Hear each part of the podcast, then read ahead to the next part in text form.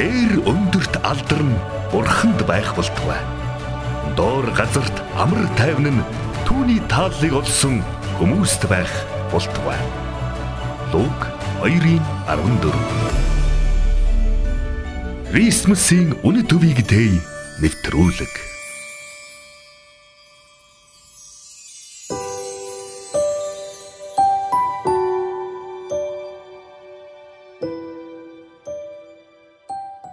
Крисмсийн үнэт үеийг тэ нэвтрүүлгийн ээлжтэйгээр эхэлж байна.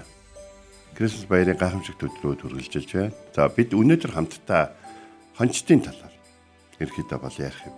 Хончин. Тэгэхээр э, Израилийн анхны одоо өвөг дээдс болох одоо Авраам бол хончин байсан. За бүр ингээд Библийн эхлэл рүү явах юм бол Абель хончин байсан. Абелийн өргөл эзэнд маш их таалагдсан. Тэр сүргийнхаа сүргээс ямар ч өөсөөгүй хамгийн одоо нандин хоргаа эзэнд өргөсөн учраас таалагдсан. Харин түүний дараа Библийн төв хөргөлжлөх юм бол Авраам өөрийнхөө Исаакийг хоньны оронд өргөл болгон өргөхөд бэлэн байсан нь бурхан таалагдсан. Харин хожим нь Есүс Христ бидний төлөө загалмай дээр хадагдан алгахдаа эрт дээр үед тэр одоо өө сэвгүй хургийг дахил олон өргөдөг байсан. Тэр хончны зүр сэтгэлдээ бурхан эцэг бидэнд байдгийг сануулсан. Нөгөө талаар тэр өргөл болсон Есүс Христ нь бидний төлөө амьд өрүүлсэн, бидний төлөө бүхнийг зориулахад бэлэн байдаг, бурхан байдаг гэдгийг биднэрт бол харуулсан. Крисмас баярын өдрүүд үргэлжилж байна. Крисмас баяр бол 2000 жилийн түүхтэй баяр гэдгийг нэвтрүүлэг болгон дээрээ давтж байгаа. Гэхдээ бид нэг зүйлийг давтж байгаа. 12 сарын 25-ны өдрөл болоод өнгөрчдөг баяр биш. Харин 12 сарын 25-ны өдрийг бид нар нэг өдөртөө байх хэрэгтэй байсан учраас л зоосон хэрэг. Ингээд 12 сарын 25-ны өдөр болдог Крисмас баярын гайхамшигт өдрүүд үргэлжилж байна. Одоо аль хэдийн энэ баяр тэмдэглэгдээд эхэлсэн байна. Лук намын 2 дугаар бүлгээс би таахан дуудаж өгье. Тэр газар хідэн хончид сүргээ манаад шүн хээр хоноглож байв. Гэнэт эзний тэнгэр элч өмнө нь зогсож эзний цог жавхлан эргэн тойронд нь гийсэнд хончид үлэмжийн айдас оттжээ. Тэнгэр элч тэдэнд "Бүү харагтав. Би бүх ард түмнийг баярлуулах сайхан мэдээг та нарт авчирлаа. Өнөөдөр Давидын хотод арга шидэн Христ та нарын төлөө мэдлээ. Та нар тижээлийн онгоцонд буй даавн дүлгээсэн нялх хүүхдийг олж харна. Энэ нь та нарт тэмдэг болно гэлээ. Гэнэт өнөөх тэнгэрлэгчийн хамт үе олон тэнгэрлэгч дайчид үзэгдэж бурхныг магтан дээд өндөрт алдарнд бурханд байх болтугай. Доод газарт амар тайван нь түүний тааллыг олсон хүмүүс байх болтугай гэсэн. Тэнгэрлэгч нар тэднийг орхин отоход хончид бие биендээ одоо битлэхэмд очие. Эзний бидэнд бидүүлсэн зүйл хэрхэн билснийг үздэгэй гэж хэлсэн байна. За энэ бол Крисмас баярын хамгийн онцгой гоё хэсгүүдээ нэг нь. Энэ бол хончид дээр эзэн ирсэн гэсэн. Хончид руу эзэн тэнгэрлэгчээ илгээсэн гэсэн. Эзэн тэнгэрт болж байгаа найрыг хончдод ийм зүйл болж байна гэд харуулсан гэсэн. Гэтэ энэ бол нөгөө хүмүүсийн одоо юу гэдгийг те бид баяраа гоё тэмдэглэж. Манай баяр гоё болж гин гэсэн байдлаар шүү дээ. Энэ баяр та нарын төлөө баяр юм. Энэ баяр танаас хамаарах баяр юм. Энэ баярыг хийж байгаа шалтгаан нь та нар юм Тэгэхээр Тэнгэрлэгчийн үгийг анхааралтай альцсан бол өнөө шин Давидын төрлөх хотод та нарын төлөө Христ мэндэллээ гэж. Тэгэхээр энэ та нарын төлөө гэдэг үгийг сонссон хүмүүс нь хончид байсан. Бид бодох хэрэгтэй. Таны хэн байх нь хаана байх нь хамаагүй. Та хончин хоньны бэлчээр дээр хідэн хонтойгоо баяр хөөр тэмдэглэж байгаа хотын гадна захад та хүмүүстэй хамт баймаар байгаа боловч та хонтойгоо хамт байх ёстой учраас хонин сүргдийнхээ хажууд хонж байтал эзний тэнгэр ичнэрээр ингэж хэлсэн бол таны байгаа газар баярын хамгийн гол газар нь болж байгаа. Бурхан биднийг яг ингэж хайрладаг. Ром номын 8 дугаар бүлгийг би яг энэ цомчд бол бодож байна.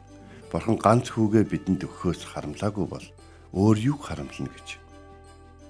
Тэгэхээр бид Крисмсийн үнэт төв тэ нэвтрүүлгийг та бүхэнд бол хүргэж байгаа. Тэгээ нэгдүгürt бол А дэлхийн суураас өмнө бол бид бол өндөө бол өргөцсөн, сонгогдсон байгаа. Энэ тухай бол Эфес номын 1-р бүлэг дээр бол гардаг байгаа. Тэгэхээр та бодоод үзтээ та өнөөдөр яг одоо юу гэдгийг хааны газар анкет бүглэхдээ өөрийгөө хин гэж бичдэг. Дээр үед одоо скетэн, ажилчин, гаралтай гэж бол бичдэг байлаа. А гэтэл а Давидын удам Йосеф өөрийн одоо хайртай сүт бүсгүй болох жирэмсэн майрын хамт Бэтлехэм хотод ирэхдээ бол бүртгүүлж байгаа.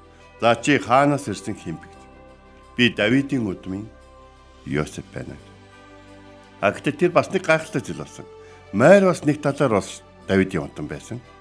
А гэхдээ сонирхолтой нь Йосеф бол Давидын удмын хаан болох боломжгүй ханхүүгийн удам байсан бол Майр бол хаан болох эрхтэй ханхүүгийн удам байсан баг.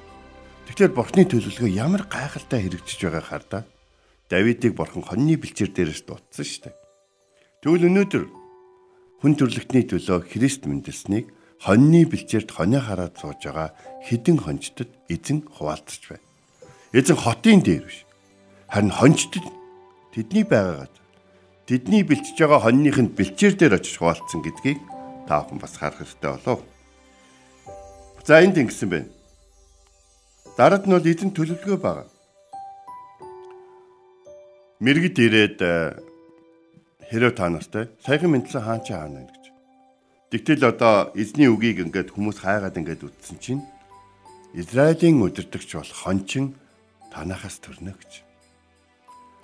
Тийм учраас Бэтлехэм хот бол маш их гайхалтай одоо бурхны төлөвлөгөөнд багтсан хот байсан. Хотын нэр бол талхны гэр гэсэн утгатай. Тэгэхээр Есүс бол хожим нөөрийгөө би бол тэр амийн талх байгаа юм а гэж хэлсэн байдаг.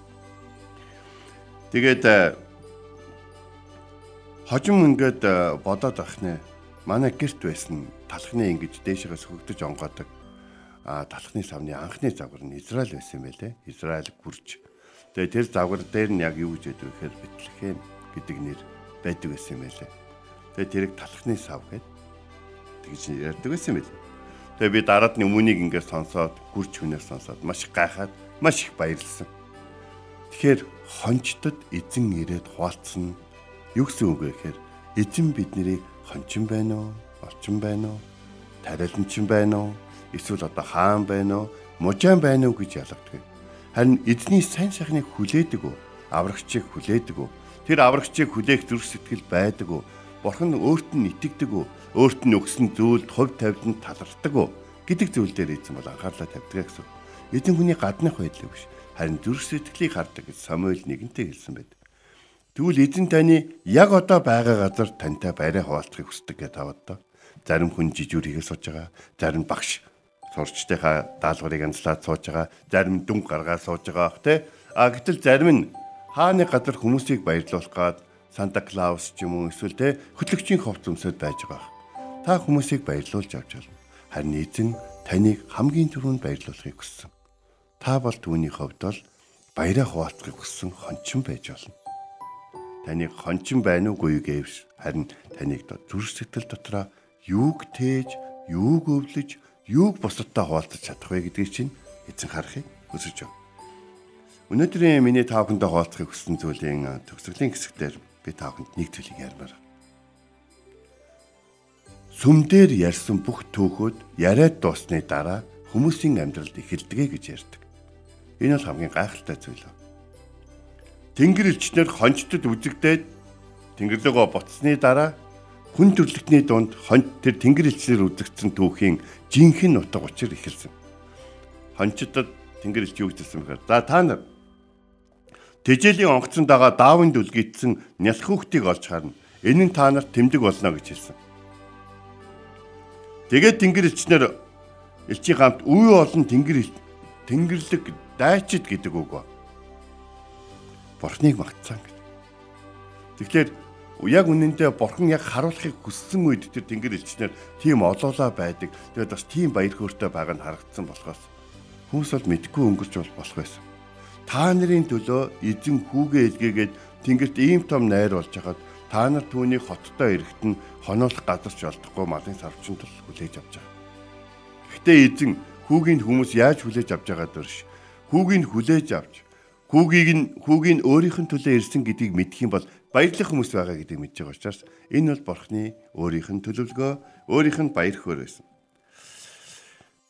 Хүүн махан биеэр төрж байхад амарчж байгаа их болон нөхөр нь болох Йосефаас өөрхөн мэдгүй байсан ч гэсэн эзэн тэдний баяр хөөргийг тэр хүүтэй болж байгаа тэр аврагчийг хүлээж авч байгаа баяр хөөргийг хуваалцуулахын тулд ойрхон байсан хоньны бэлчээртэй байсан хончдыг майр болон Йосеф руу илгээсэн.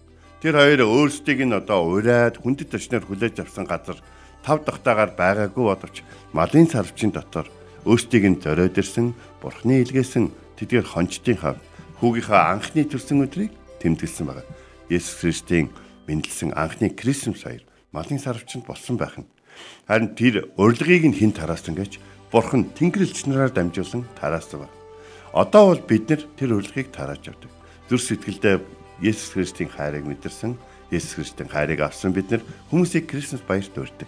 Эрт дээр үед хончтод хончин гэж бодлгоогээр тэр гайхалтай тэр мэндэлсний баярын урилгыг Тэнгэрлэгч өгөж байсан бол өнөөдөр бид нар годомжинд амьдарч байна уу? Гэртээ байна уу? Гэргүй байна уу? Ажилгүй байна уу? Эсвэл одоо юу гэдгийг асран хамгаалах хүнтэй байна уу? Үгүй юу? Баярт ирэх өмсөх хувцастай байна уу? Үгүй юу? Хамаагүй.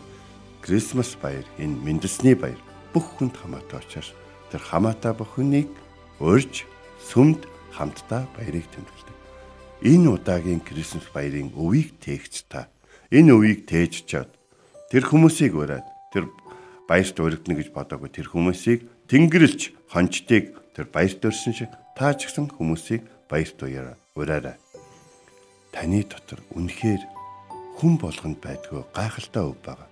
Тэр бол Крисмас баярын өв байгаа юм аа.